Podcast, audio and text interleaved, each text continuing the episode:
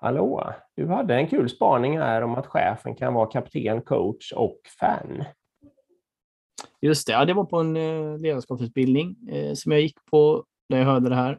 Um, och det, är ju väldigt, uh, jag tyckte det var en ganska kul tanke, för många gånger så, så, så kan man diskutera vad är chefsrollen egentligen? Um, liksom, ska man vara delaktig i arbetet och leda arbetet eller ska man stå vid sidan av och så vidare? Och här var väl ett sätt att se det då på att nej, men man, det är tre olika eh, hattar man har. Och man behöver kunna balansera de tre hattarna i olika beroende på um, kanske då hur teamet mår eller gruppen mår eller eh, vilket stadie man är i och så vidare.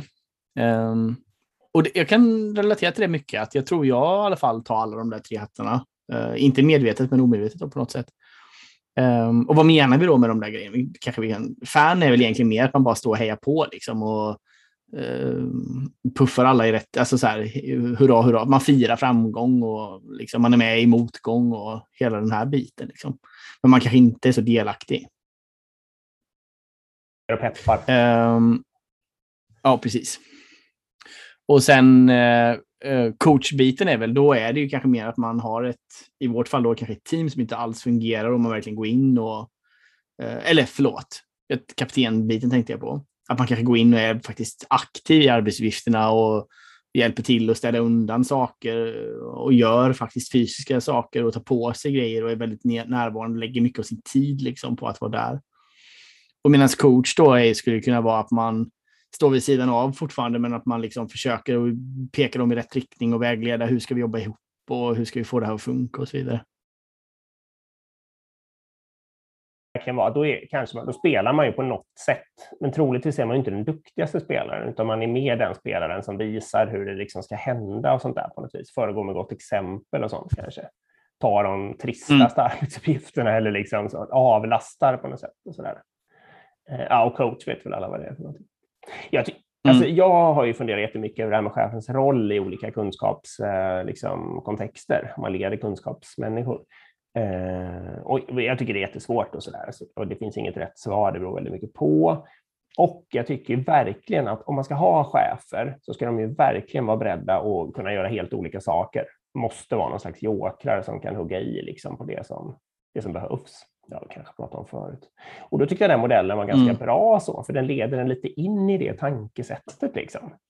Du ska både kunna heja, du ska kunna gå in och coacha, men inte göra någonting, liksom, men verkligen stötta någon i hur den ska göra eller tänka eller vad det nu är för någonting. Du ska också kunna gå in och göra en trist arbetsuppgift för att få bort den kanske från, eh, från mattan, liksom, så, att, så det blir lugn och ro eller de liksom, vassaste kan koncentrera sig på något annat och sådär.